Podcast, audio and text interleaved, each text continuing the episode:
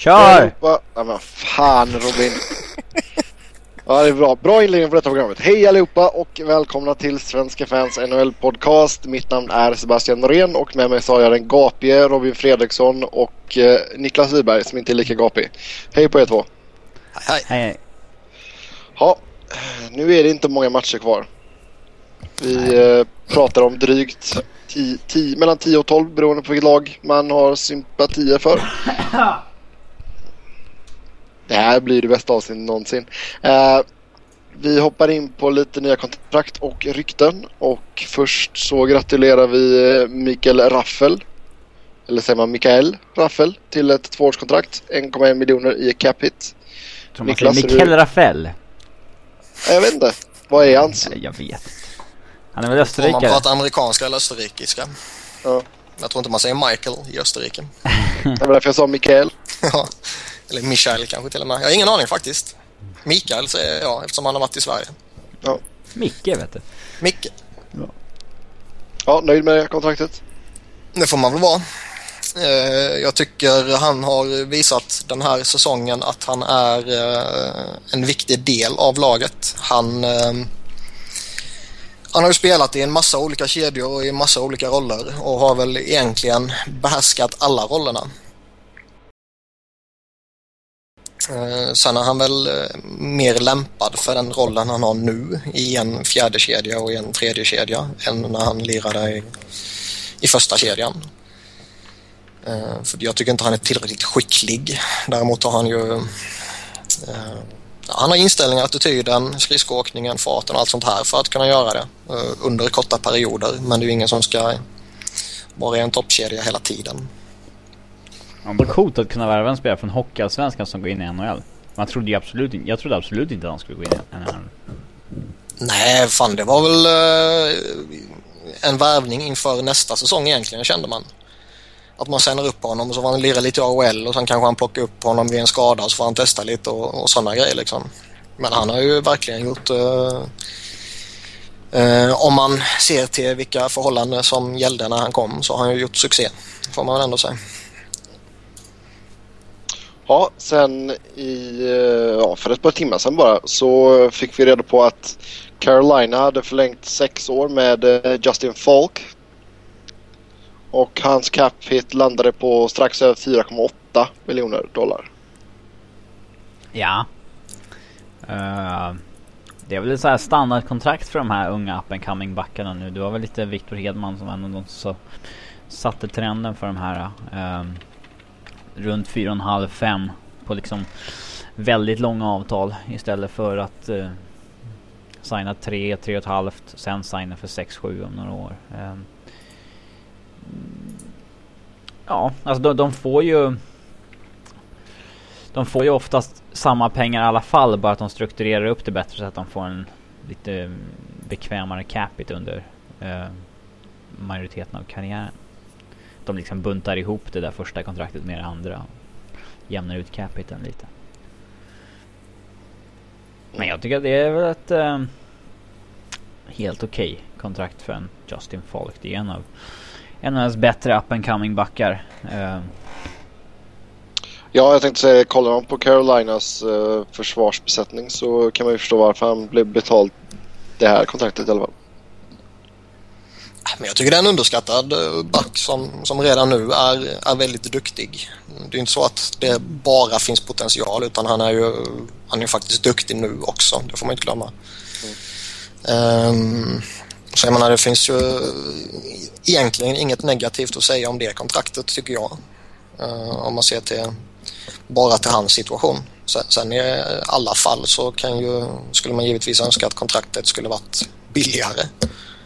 Oavsett om det, vi pratar Micke Raffel eller om vi pratar uh, Ryan Getzlaff eller uh, ja, Justin Falk. Mm. Men det, så är det ju. Men det här kontraktet tycker jag är, uh, är bra. Yes.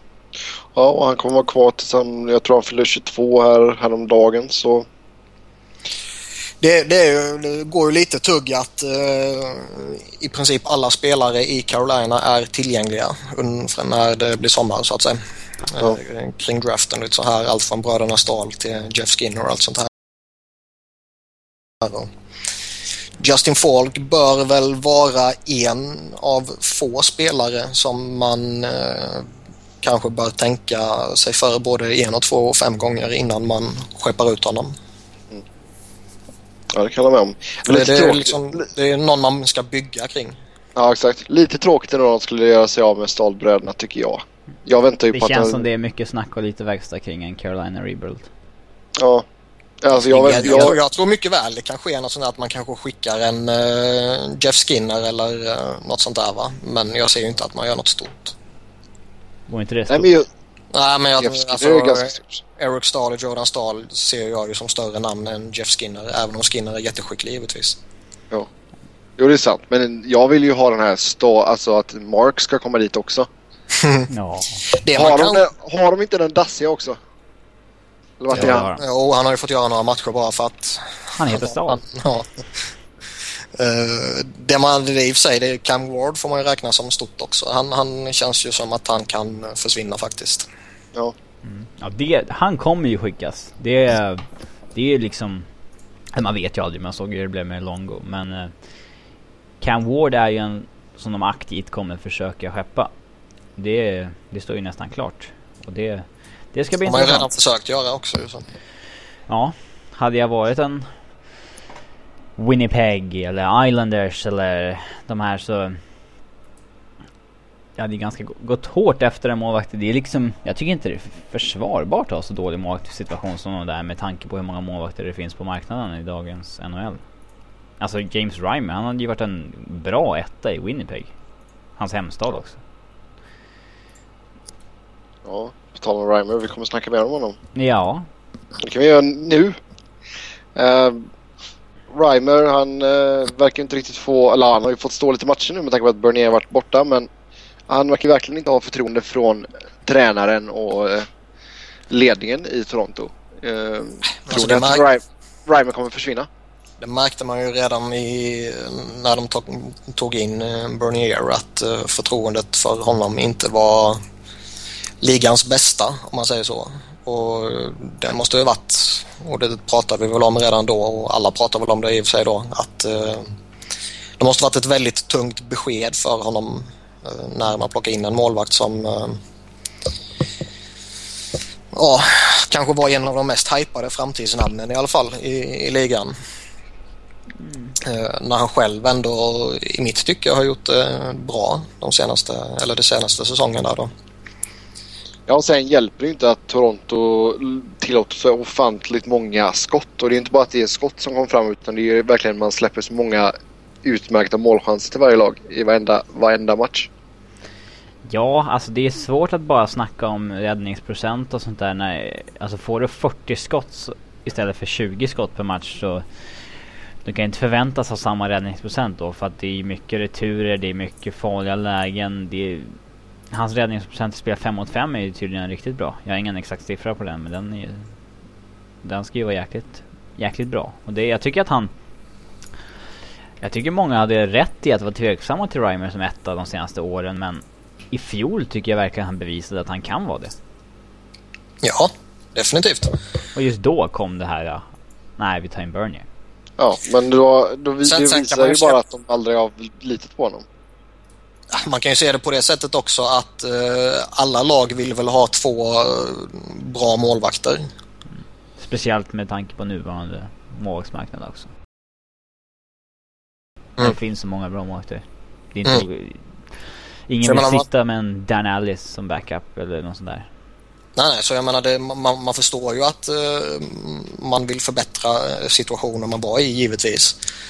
Men eh, alltså det, det är klart att ha, har man en målvakt som har gjort det riktigt bra, alltså man kan jämföra lite med lite lätt med eh, Philadelphia situation där Mason kom in och gjorde det riktigt bra. Eh, och där han kan förtjäna chansen då liksom. Samma med, med Raymer. Jag kan tycka att han förtjänade chansen efter förra säsongen. Och visst ska man gå efter en bra målvakt men ska man verkligen gå efter en som eh, om man ser redan på förhand egentligen placerar sig högre i hierarkin? det är väl lite där som, som man kan diskutera vad som är rätt och vad som är fel. Mm. Sen är frågan hur mycket man ska lägga eller hur mycket värde man ska lägga på det. Ska man bry sig något om det överhuvudtaget? Är det viktigare än eh, liksom eh, strävan att hela tiden försöka vinna och hela tiden försöka ha det bättre laget? Det är en avvägning man får göra. Jo, det är sant. Men alltså just om man är om vi skulle sätta oss i Reimers skridskor här nu då. Alltså är det läge att be om en, om en trade eller? Tror inte han behöver be om en faktiskt. Det känns ganska klart att det kommer ske i sommar i alla fall. Hans kontrakt går ju ut också. Jag har svårt att se att han är så sugen på att förlänga där. Ja, han har RFA i sig bara så. Ja, ja men han... Ja, alltså, men det är klart, det, det luktar väl trade. Sen om det är Toronto som tar beslut så att säga eller om det är han som eh, önskar det. det ja, det återstår väl att se men att han kommer lämna känns rätt uh, givet faktiskt. Mm. Ja, en annan spelare som det surras lite om det är Mike Richards i LA som inte riktigt har gått att känna igen. Speciellt inte nu det senaste. Han har ens gjort 40 poäng. Men... Uh, ja, inte så bra ut spelmässigt får man, kan man ju lugnt säga. Nej. Medioker. Mm. Eh, alltså det är svårt att eh, peka på liksom exakt vad som... Jag tror det är svårt att peka ut ex exakt en anledning som är eh, orsaken till Mike Richards förfall eller vad man ska kalla det. En grej tror jag att det är att han har haft en del hjärnskakningar. Eh, en annan del tror jag är att han kanske inte passar så bra in i Kings sätt att spela hockey. Alltså det gynnar ju inte hans poängstatistik framförallt. Uh, en annan grej är att han sitter på ett monsterkontrakt som kanske ger en viss mättnadskänsla hos många spelare. Och, ja, uh, speciellt när han fick vinna kuppen också. Ja, och den fjärde anledningen som jag skulle ta upp var... Han har ju nu har han vunnit Stanley Cup. Det... Han är ändå så bara 29. Det känns lite väl tidigt att dippa. Ja... Eh, kan, kanske det. Vi får se. Eller Niklas, du, du som nästan är 29. Känner inte du att du är i din prime nu? Jag är till och med 29 exakt. Sådär. Eller faktiskt 29 och två månader till och med. Om vi ska räkna så. Men nej, alltså jag tror väl att eh, det, det som är lite förvånande är ju att han känns ju som en spelartyp som ska vara väldigt effektiv och väldigt eh, liksom om man säger uppskattad även om inte han gör poäng. Mm. Alltså om man, alltså visst han kan ju inte gå... Bergeron-aktigt och... Nej men liksom något sånt där. Alltså det... Så jag menar det, det är ju en andra center som jag tror väldigt många lag om man tittar på spelartypen skulle vara jätteglada över att ha. Mm. Uh, men det känns ju som att det inte bara är poängen som liksom uh, inte funkar för honom. Det var ju nere i en, i en fjärde kedja sist och visst nu spelade han väl upp mot kvarten tror jag så det är väl kanske mer än vad random fjärde eh, kedjespelare lirar men eh, det, det är ändå ett anmärkningsvärt eh, förfall som å ena sidan är jättetråkigt att se med tanke på vilken fantastisk spelare det är när han är eh, ja, när han är igång liksom och å andra sidan för Philadelphia-supportrarna så är det väl eh, ändå lite tillfredsställande eh, om man tittar i, i traden. Där Simons är fantastiskt bra och där Braden Chen sakta men säkert har en, en ökande utvecklingskurva. Och, eh, Snart är han ju bättre än Richards. Ja, produktionsmässigt så är han ju, han har ju nästan dubbelt så många mål tror jag till exempel. Mm. Eh, men det, det är ju en Richards light i dagsläget kan man väl säga. Ja, och som Robin sa det med kontraktet också. 5,75 fram till 2020. Ja, det är väl egentligen inget kontrakt som ska vara särskilt dumt för honom. Det går ut när han är 35. Det är liksom inget kontrakt som liksom går ut med Hossa som går ut när han är 42 eller något sånt där. Utan när tidpunkten är skrevs ska jag helt klart tycka att det är bra för alla parter. Kanske hade det varit bättre för Richards att bli free agent i den här åldern då och tjäna ännu mer pengar men... Ehm, ja, det är, det, det är kanske ett kontrakt som... Eller det, det ger nog en viss mättnadskänsla, det tror jag absolut. Det tror jag alla Ja. långa kontrakt gör.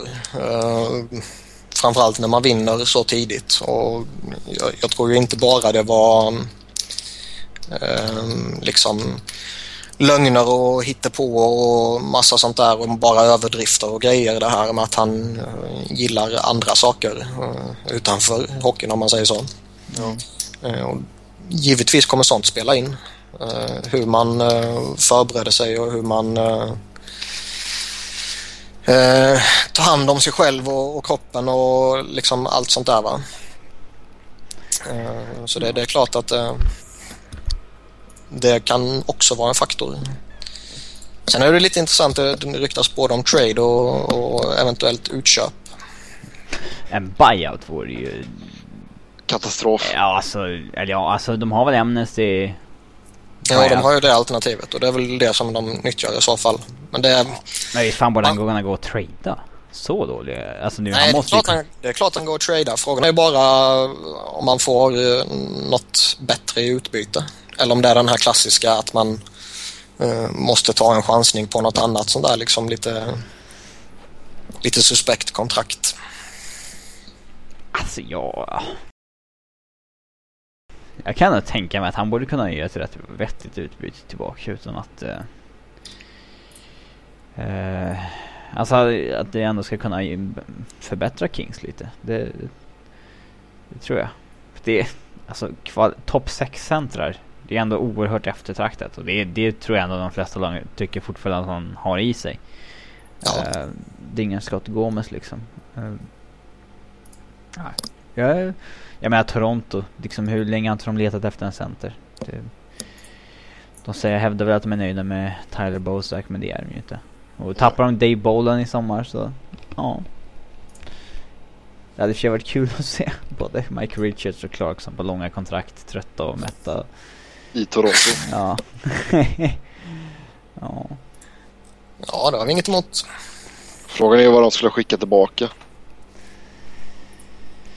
Hmm, ja, om vi säger att Toronto ville ha Mike Richards. eh,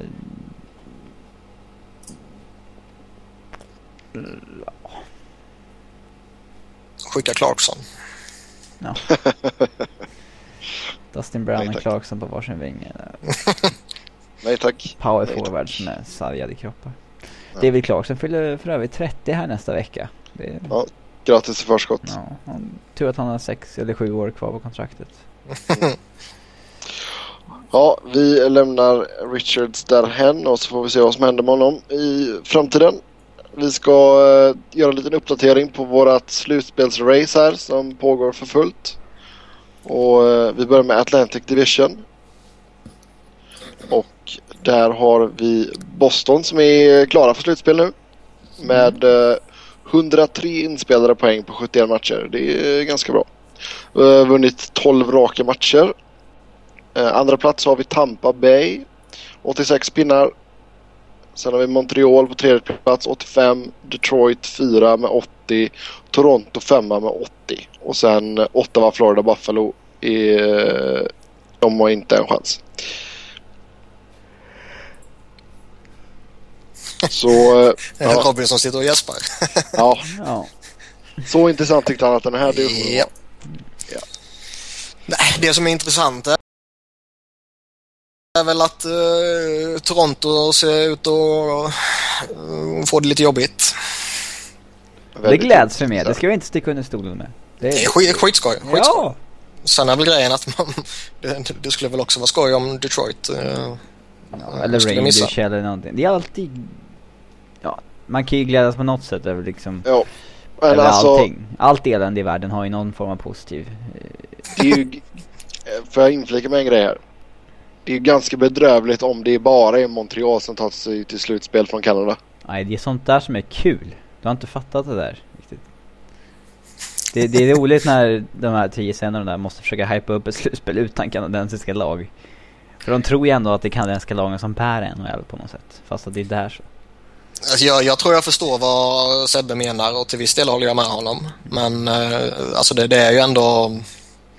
Kanada är ju ändå hockey liksom. Ja. Eh, så visst är det ett... Eh, eh, ja, nu hittar jag inte ordet, men visst är det dåligt. Jag letade efter ett sexigare ord än dåligt. Men visst är det kanske? Ja, något, ja, något sånt där liksom. Skitdåligt kan vi säga. Men bara ett kanadensiskt lag i slutspel givetvis. Men... Um, det hade också varit kul.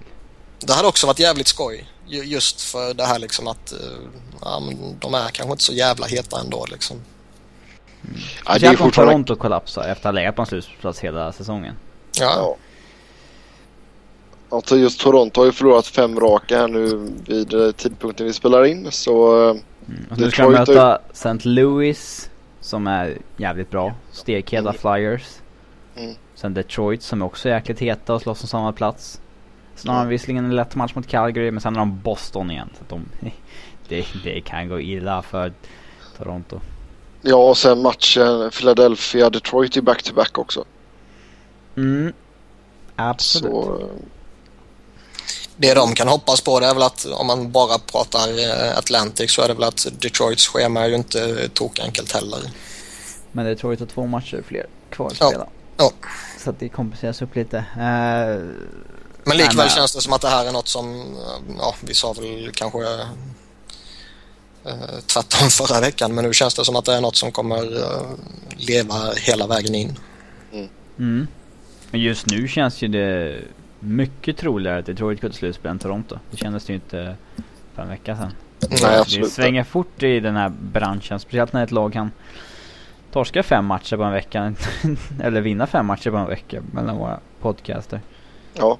Om vi hoppar över till Metropolitan då. Uh, Pittsburgh leder med 97 poäng. Man är inte matematiskt klara just nu men... Vi kan slå fast att de är klara mer eller mindre. Sen Philadelphia en andra plats 83 poäng. New York Rangers på en tredje plats 82 poäng. Washington fjärde med 79. Columbus på femte med 78. Och sen eh, New Jersey sjätte 75. Och sen Carolina och New York Islanders.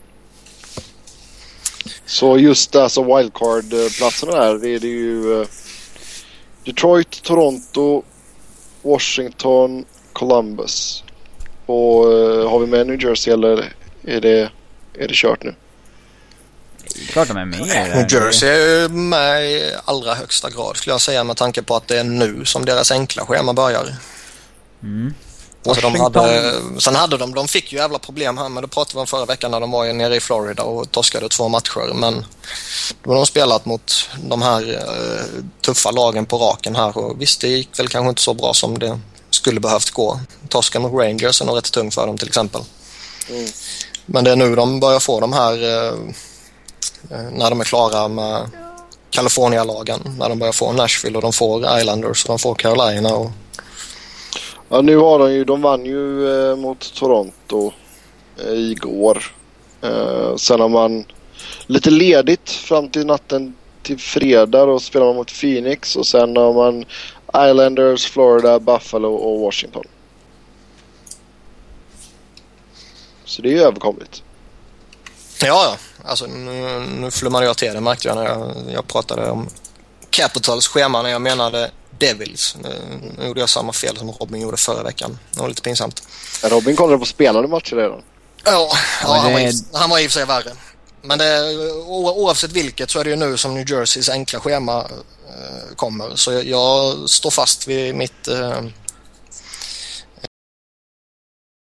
eh, min prediction från förra veckan att de tar en eh, slutspelsplats. Mm. Jag vill ändra min. Ja visst, får du eh, ja. ja. men jag tror att Detroit tar ju den första wildcard-platsen och sen tror jag fan Washington eh, gå på en streak här på slutet. De har ändå klarat sig igenom den här perioden av tuffa matcher hittills jäkligt bra. De har i och för sig Kings och Boston kvar men de har klarat det riktigt bra hittills. Uh, de känns i nuläget mycket starkare än Toronto som de ligger bara en poäng bakom och en match före än. Mm. Washington har gjort riktigt bra på den här uh, mm. turnén där borta där vi satt och pratade om att de lika gärna kan få däng i fem raka så har de ju har de tagit fem av sex poäng hittills. Ja, jag får väl hoppas på Toronto ändå så att vi får två kanadensiska lag i alla fall. Det är det du brinner för. Jag får vara snäll där. Uh, om vi går över till väst då så St. Louis är slutspelsklara. De har också 103 pinnar. Sen har vi Chicago 97, Colorado 94, Minnesota 85, Dallas 77. Sen Winnipeg på 73. Mm. Alltså det, det som har hänt eh, har ju hänt i östra konferensen. I, I mm. Western så ser det ju mer eller mindre likadant ut som det gjorde för en vecka ja. sedan. Status quo kan man väl inte säga. Det är ju... Mer eller mindre. Det... Dallas hade ju ett par eh, dåliga matcher där man förlorade samtidigt som Phoenix gick och vann tre på raken innan man torskade mot Boston. Mm. Så... Eh... Men det är fortfarande den kampen som är den intressanta liksom. Ja, ja visst absolut. Vad, vad som händer där. Mm. Och det är som vi sa, troligtvis avgörs det väl det kanske i sista omgången när de möter varandra. Hade varit väldigt trevligt. Jajamän. Annars så eh, San Jose har gått om eh, Anaheim. Anaheim har i och för sig en match mindre spelad om vi kollar på Pacific lite snabbt. Eh, San Jose 100 poäng. Anaheim 99. LA 86 och Phoenix 79. Ja, Phoenix har ju två matcher till godo på uh, Vancouver också som ligger på 76 poäng sen. Så jag menar det... Ja. Glappet är ju större än vad tabellen visar liksom. Skulle jag gissa. Mm.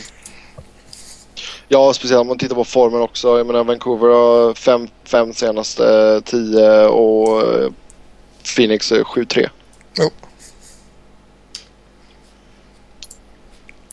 Ja. Det, det, man kan säga också det är om man går tillbaka lite till, till Eastern det är att eh, Columbus uh, ser ut att ställa till lite för sig själva. Mm. De, ja, det kan man ju lugnt säga. Liksom, Tappar poäng i lätta matcher. Nu har de ett tuffare schema framför sig. Så det, ja, de kan få det tufft. Framförallt nu när Caps går så bra som, som de gör. Ja, och kollar man på nästa, nästa fem så Detroit, Pittsburgh, Carolina, Colorado, Philadelphia. Jajamän.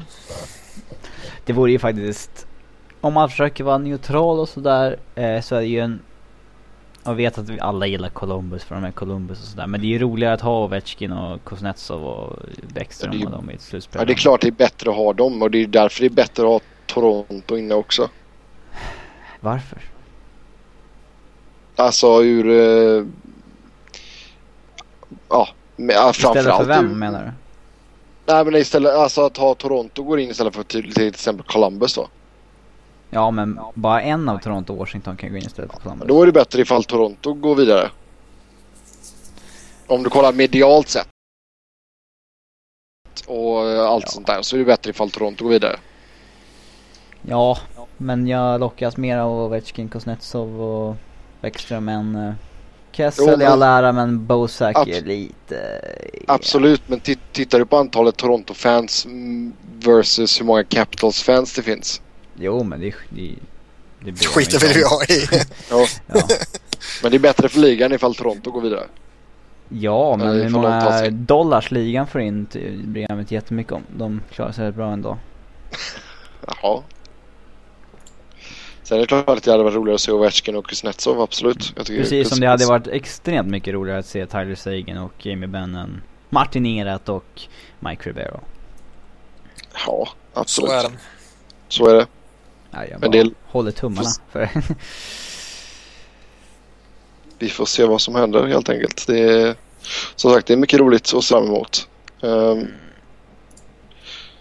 jo, då går vi vidare och vi ska prata lite om Tevo Tervainen, Tervainen som har blivit uppkallad av Chicago och uh, förväntas spela natten till onsdag va? Japp. Yep. Uh, vi får la se.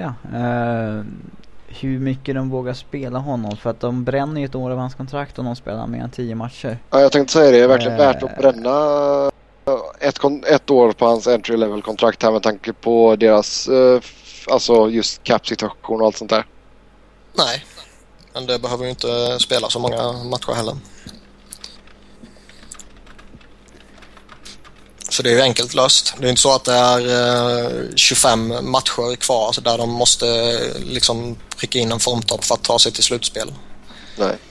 Utan de kan ju, de hade väl vad, vad de har sagt och vad man kan gissa sig till hade de väl velat försöka eh, liksom guida in honom på ett lite mer eh, eh, ja, alltså dra ner hypen genom att låta honom lira lite i AHL och, och komma till rätta på den mindre rinken och allt sånt här. Och, och sen kanske plocka upp honom lite senare och framförallt också om man tittar på deras situation mot lönetaket. Mm. Mm. Uh, frågan är... Jag ska ställa frågan till er, men tycker ni det här är den sortens center som Patrick Kane behöver? Jag kan tycka att han är aningen lik Patrick Kane. Att det blir mycket händer, lite muskler och lite... Ja. Det blir väldigt mycket händer. Mm.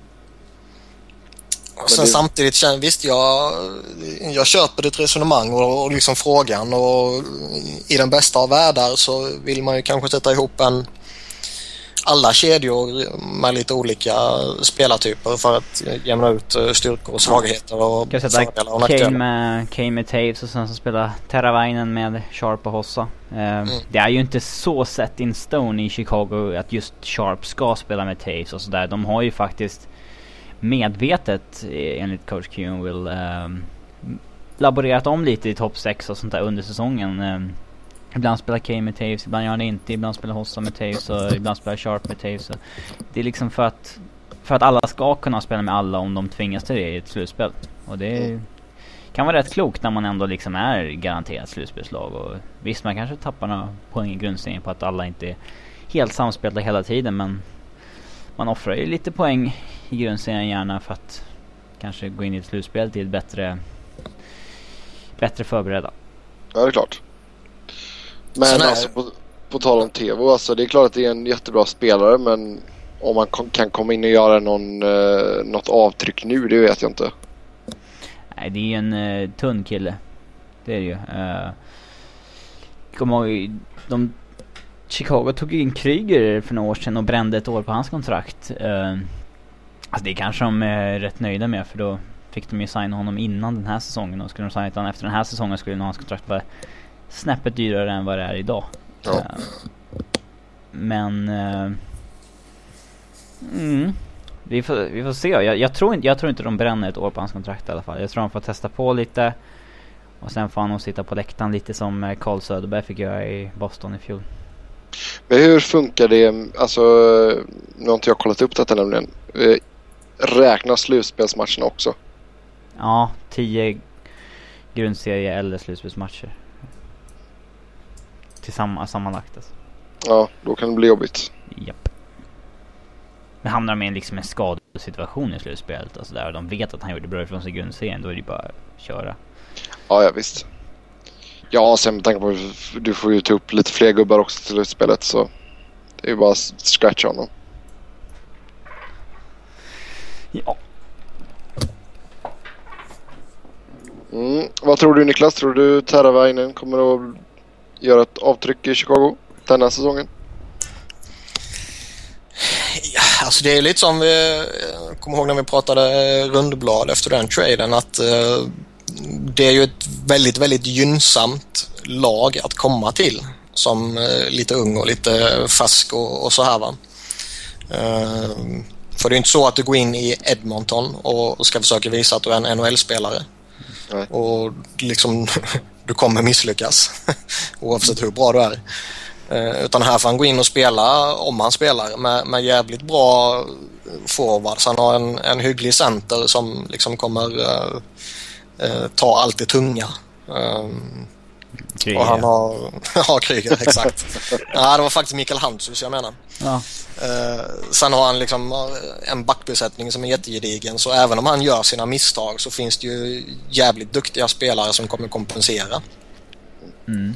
Så även om han går in i en tredje land då kommer han typ ha Brandon Saad och Andrew Shaw med sig. Alltså han kommer ju spela jäkligt bra omgivning vart han än spelar. Fast ja. det kommer ju bli som andra center. Det, det blir ju... Annars vore det ju konstigt. Ja, ska man ge honom chansen så är det väl i en, en gynnsam omgivning och det är väl i topp 6 skulle jag säga. Och jag har ju svårt att se att han eh, petar eh, en viss lagkapten. Ja.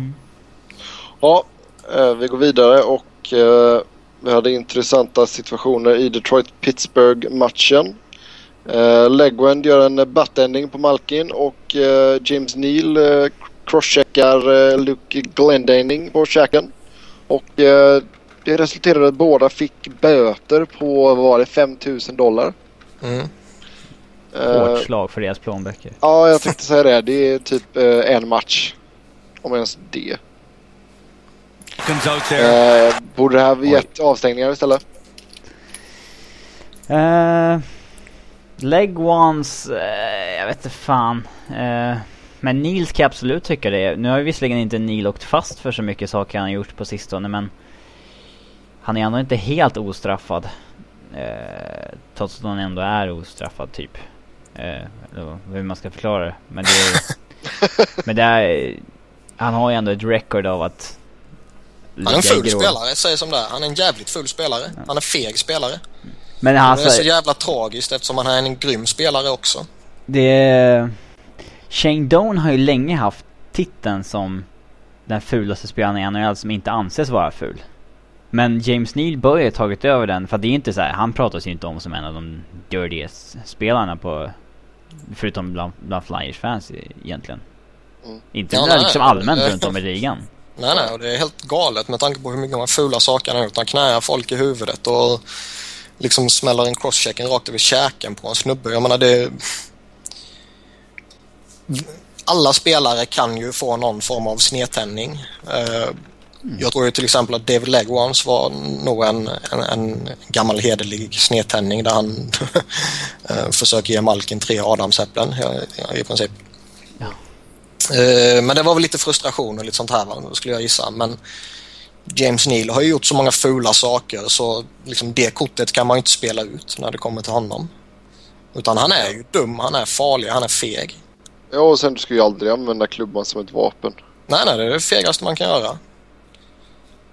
Eh, och liksom det, det är sådana här situationer som när de inte eh, liksom resulterar i en avstängning. För jag tycker Leg one kan jag köpa att han eh, kommer undan med böter eller om han kanske skulle fått en match eller en sån här bara för liksom att nej men sådär får man inte göra. Men han har ändå, han har inte den historien. Men James Neal har ju som Robin var inne på, han har ju hur många situationer som helst. Sen har han inte fått jättemånga avstängningar men det, det är ju Ehm, det är ju lite fel det.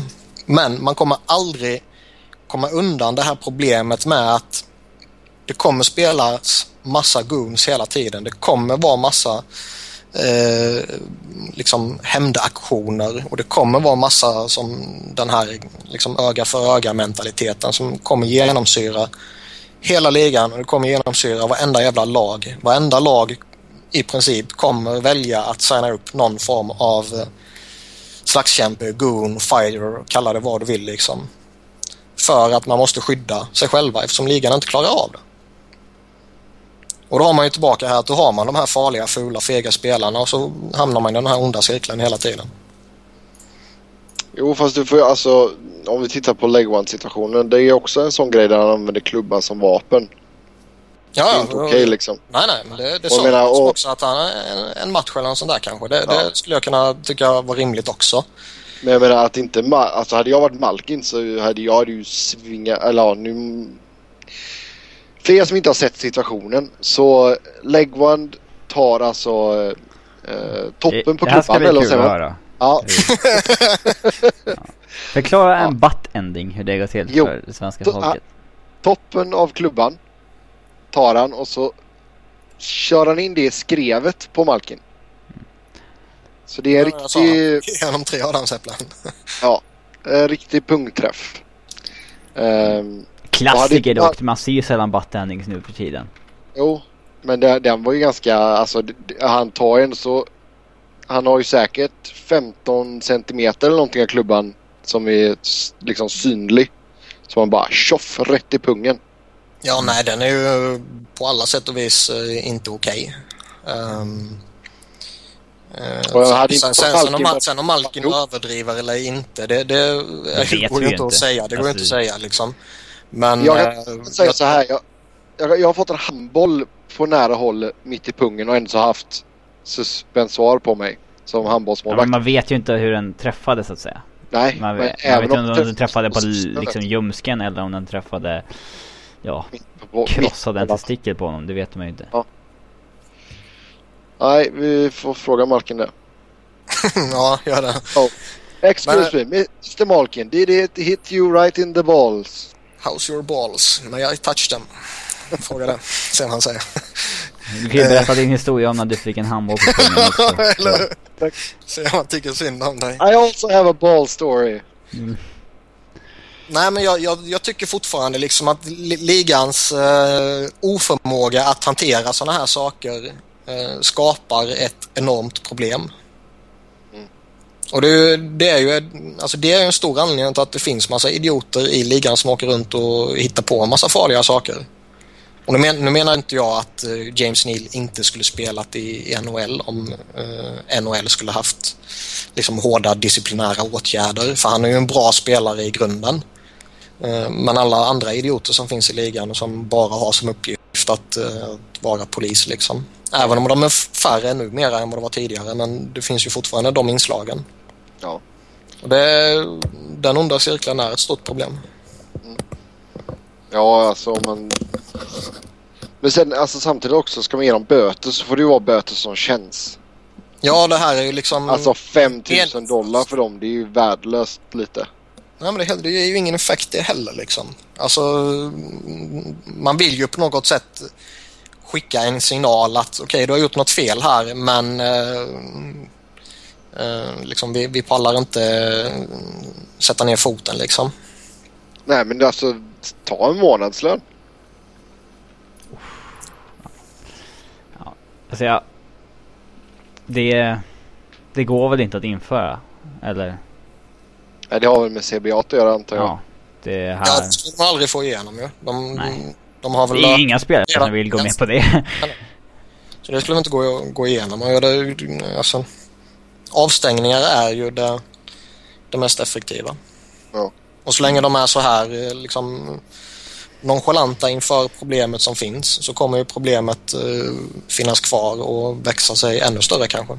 Det jag tycker är konstigt, framförallt just med kärnan, jag tycker överlag att de gör ett, liksom ett okej okay jobb. Det, jag förstår ju att varje situation är svår och varje situation är unik och sådär. Det, det är svårt att göra, ja, det, det är ett jävligt svårt jobb egentligen men jag tycker att det är förvånande att de tar så lätt på situationer där man liksom använder klubban som ett vapen. Ja, det är eh, väldigt konstigt. En tackling där du går upp 5 cm från isen straffas ju betydligt hårdare. Än eh, om du drar en, liksom en, en crosschecking på någons käke eller sådär. Ja, ja, så fort du, och speciellt så fort det är någonting som har med huvudet att göra. Ja. Men alltså... Men det var det som var så konstigt med, med Nils, liksom den crosschecken rakt över huvudet. Mm. Han slashade typ två gånger innan också. Det är ju liksom det kommer ju inte från ingenstans. Han slashcheckar en gång, crosscheckar en gång och sen åker Glendening där bort. Sen han kommer tillbaka så sätter han en ny crosschecking i, i nyllet på honom. Eh, det, ja. Hade Glendening gjort lite mer av det, gått omkull, hållit sig för ansiktet så här, då hade det nog eh, sett värre ut än vad det var.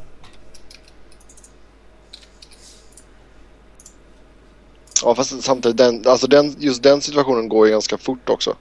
Ja, alltså domarna på isen är inte så. Det, det, det kan jag köpa. Men det kan man ju förstå. Jag menar, det uh, händer ju hur mycket som helst. Mm. Men eh, när de faktiskt reviewar en i ligan, då borde det eh, faktiskt, eh, ja, då borde det rendera i en avstängning. Mm. Det kan jag hålla med om. Jag tycker alltså båda, egentligen båda de här borde vara avstängningar. Det är, jag tycker det är ganska såklart. Ja.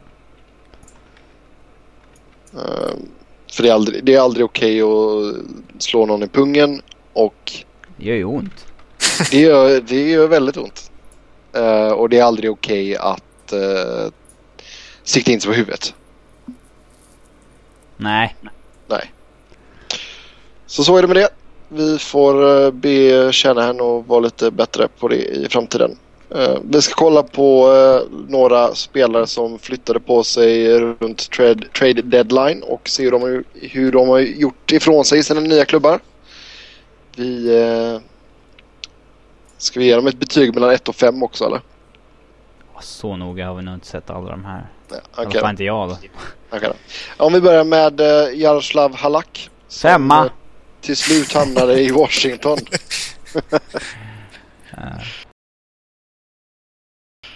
Nej, jag vet inte.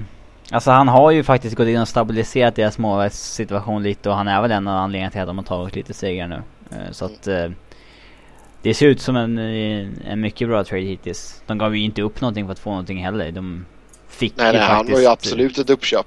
Eh, de gav ju Neuvert och fick ett tredjerumsval tillbaka. Eh, Mm.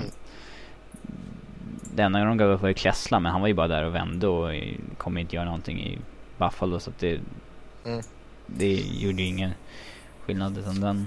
Där tjänade de ett draftval och fick en bättre målvakt och det har Ja, eh, sett väldigt bra ut. Ja, Klessla, Det- det kän- Klessla spelar ju inte med det året. Det känns ju som att om man eh, bara utvärderar den här tiden som har gått och man inte resonerar kring vilket, eh, vilken effekt man kan få i ett slutspel och hela den där biten så Ja, nej, nej. Nu är ju det här, ja, så, så är ju det här eh, en av de absolut bästa traderna hittills. Absolut. Fyra getingar till Jaroslav Halak. Fyra och en halv tycker jag. Fyra och en halv geting, okej. Ja, sen har vi Matt Molson i Minnesota. Mm. Eh. Ja, han... Eh, 10 matcher, 4 mål, 4 assist. Produktionsmässigt väldigt bra. Mm. Spelmässigt har ju Minnesota varit lite upp och ner.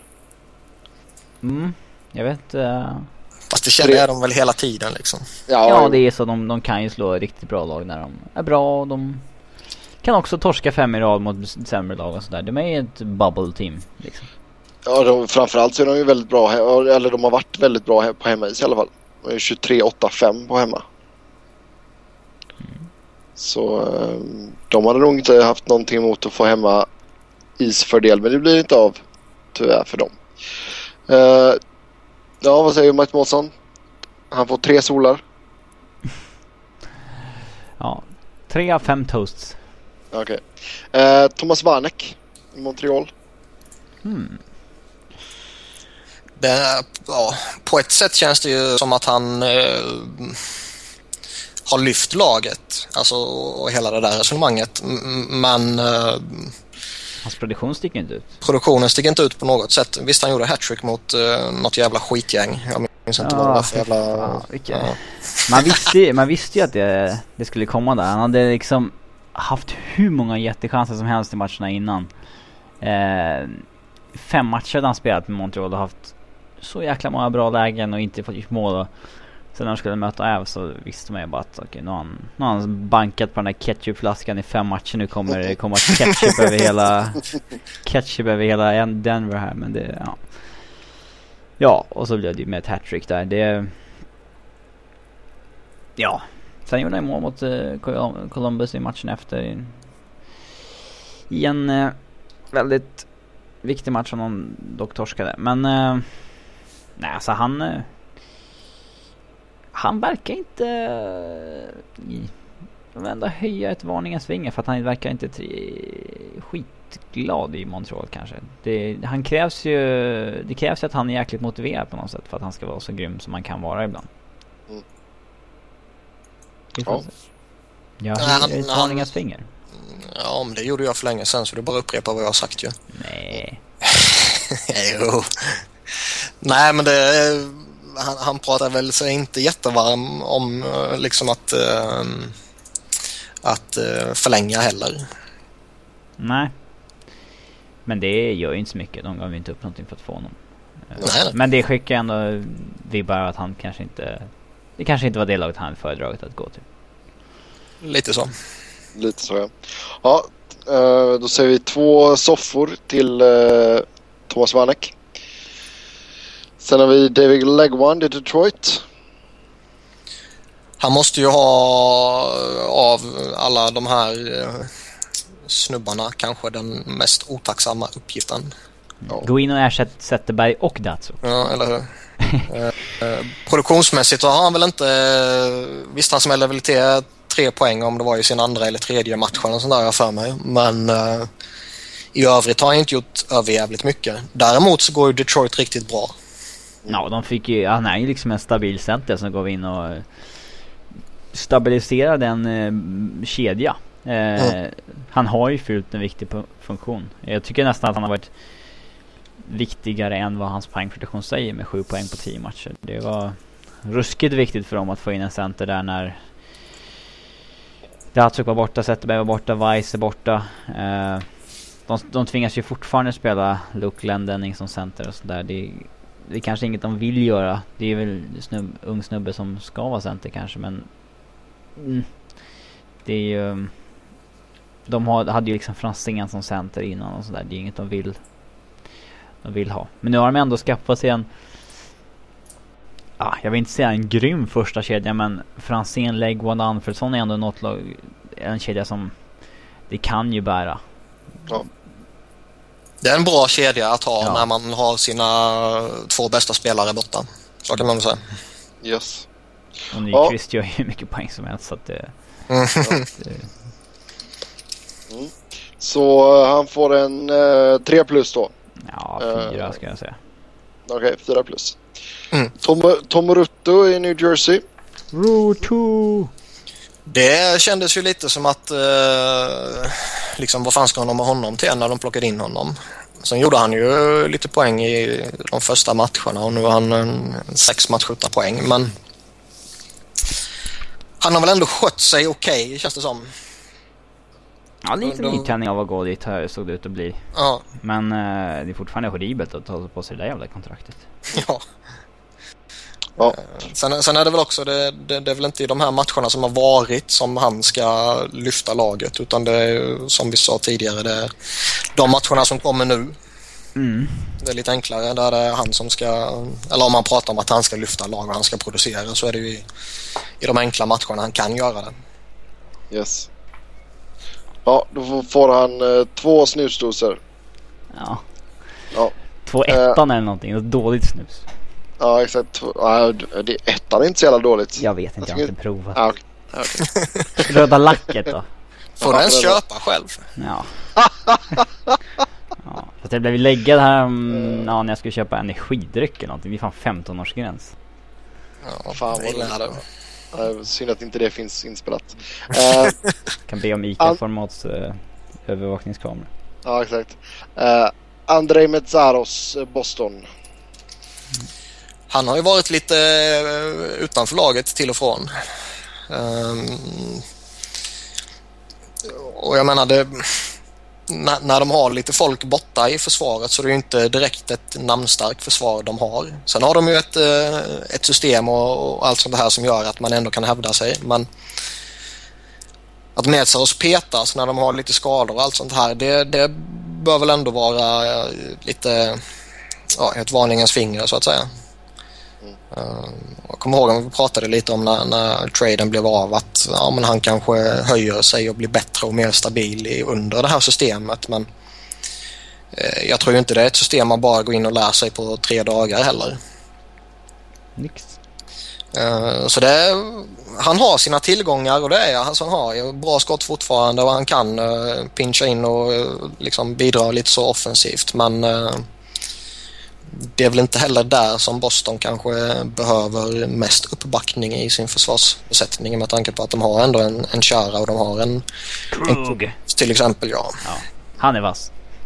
Han är helt skjuta alltså. Det, Ja, men- där behöver de inte med sig av skott. Så det, är- men visst är det, man kan hitta sämre alternativ att ta in som ja, rental inför ett slutspel. Men jag kan ju inte säga han har de betalar ju rätt bra för honom faktiskt. Det kan ju bli ett andrarumsval det där om Boston... Vad blir andrarumsval om Boston gått till konferensfinal eller någonting va? Ja, det var en massa jävla... Jag kommer inte ihåg hur det var. Ja. Men det var invecklat på något sätt. Men det kan bli Ja. ett andrarumsval. Ja. Hur många säckar potatis ger vi Metros då? Två. Ja, kanske en om man inte ens har platsat i laget alla matcher. Faktiskt. Okej. Ingen överkryssad potatis dock. Nej. Eh, nästa namn så är det Andrew McDonald som gick till Philadelphia. Mm. Han eh, har varit väldigt stabil och eh, har väl till och med varit lite bättre än vad jag kanske förväntade mig. Sen om man tittar på produktionen så är den obefintlig. Men om man tittar i, i spelet och prestation så har han varit riktigt duktig då. Där han eh, faktiskt får Lucien till att se bekväm ut. Uh, han, han, är finurlig med pucken. Han, han gör sällan liksom misstag med pucken faktiskt som, som man varit lite orolig för tidigare. Framförallt med, med just det, det paret. Uh, men det, jag är imponerad av honom. Sen är ju frågan liksom Många spelare kommer ju till en ny klubb och är skitbra i 10-15 matcher och sen ja, så är den gamla vanliga skiten igen. Som Alashemski kommer bli. Mm. Så jag menar det... Men som sagt hittills finns det inte någonting alls att klaga på förutom att man kanske skulle vilja ha en liten eh, mer produktion än bara en assist på eh, de här, eh, har man gjort nio matcherna eller någonting. Ja, då gör vi tre Philly cheesesteaks till uh, Andrew McDonald. Uh, sen har vi Marian Gavorik i LA och uh, sen han har kommit in så tycker jag ändå att han har gjort det hyfsat bra ifrån sig. Anse Kopitar verkar ju gilla att spela med honom i alla fall. Ja, alltså jag, jag är fortfarande konfunderad över att hans rykte var så dåligt där kring deadline. Han gjorde fan 40 mål för mindre än två år sedan. Och det slutspelet gjorde han visserligen bara fem mål men det spelade han bara med en axel. Eh, han har inte varit dålig senaste två åren. Det är snarare att han har varit skadad och sånt där som... Eh, så jag... Nej, jag är förvånad att han gick så billigt och det är jätteförstärkning att få in i sin topp 6. Speciellt om man har en lucka bredvid liksom Kopitar. Som, som Kings har haft. Jag, sen, jag har inte sett så mycket av matcherna hittills men produktionen hittills är väl... Man får ändå säga okej. Okay. Ja, produktionen är okej, okay, spelet är bra och just att han skapar utrymme för andra är ju väldigt gynnsamt. Några tecken på att han är slowing down skridskomässigt?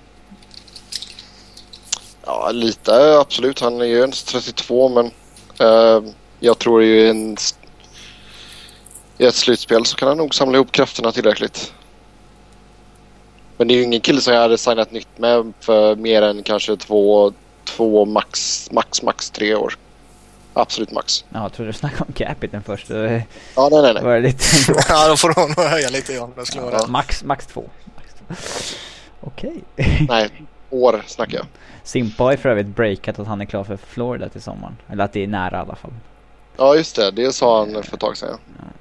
Uh, Gabrik får tre Hollywood-skyltar. Mm. Uh, sen går vi till Alice Hemski, Ottawa. Mm. Han har väl uh, gått helt okej okay, får man väl ändå säga. Uh,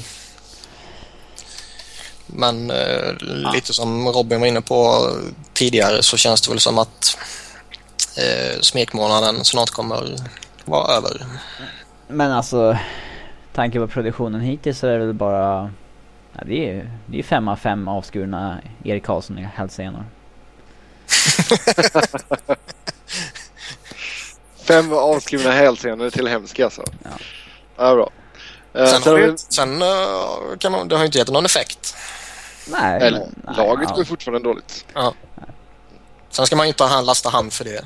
Men, nej, absolut inte. Uh, det är likväl värt att nämna. Mm. Ja, Mart Martin Saint Louis, New York Rangers. Det har ju inte riktigt blivit någon succé där kan man väl inte säga. Nej.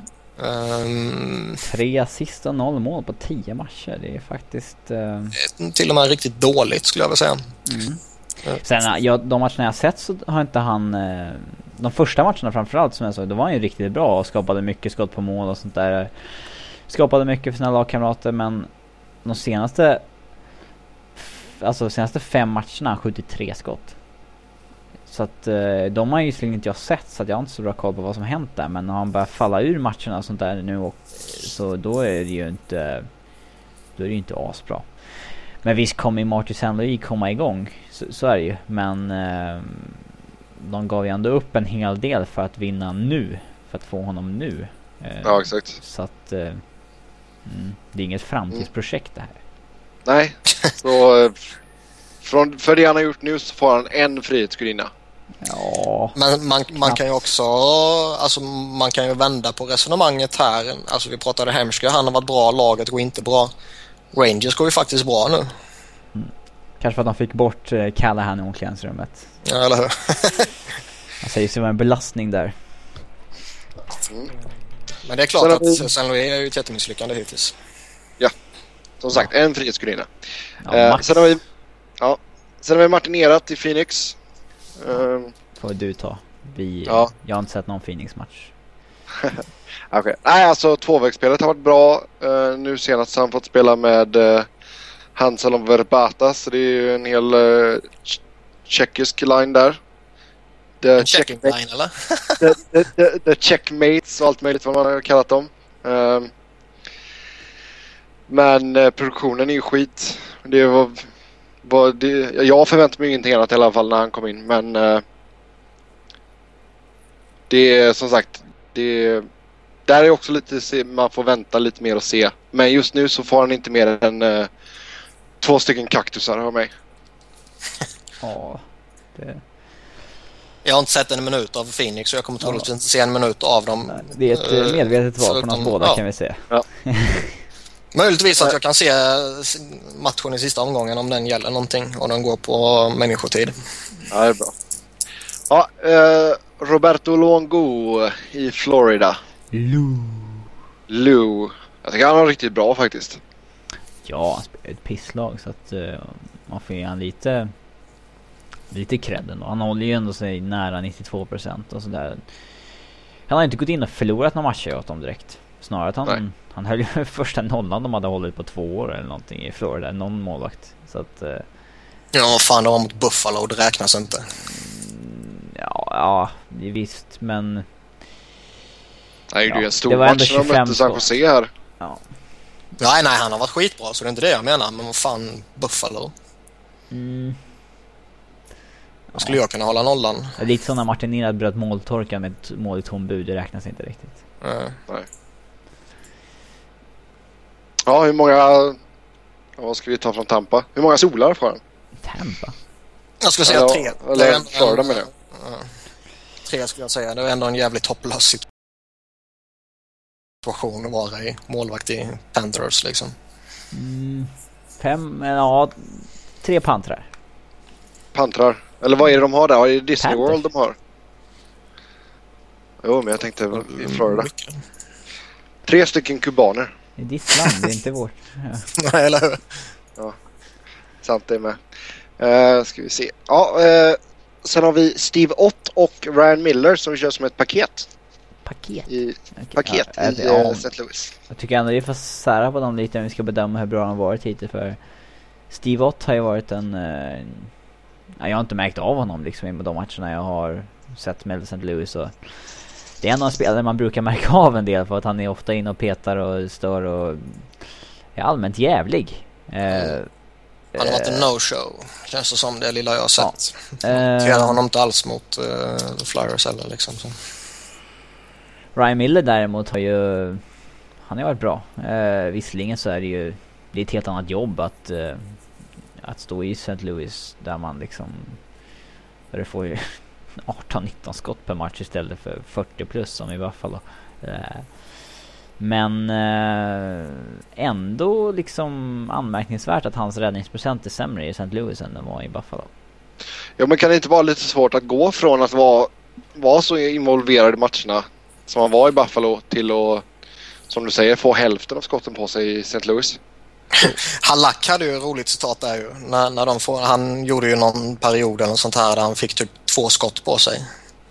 Jag frågade dem liksom, är det inte svårt? Hur, hur gör man det? Han var, nej, jag är van från St. Louis. Ja. Men det är klart, Ryan Miller har ju eh, varit jätteduktig.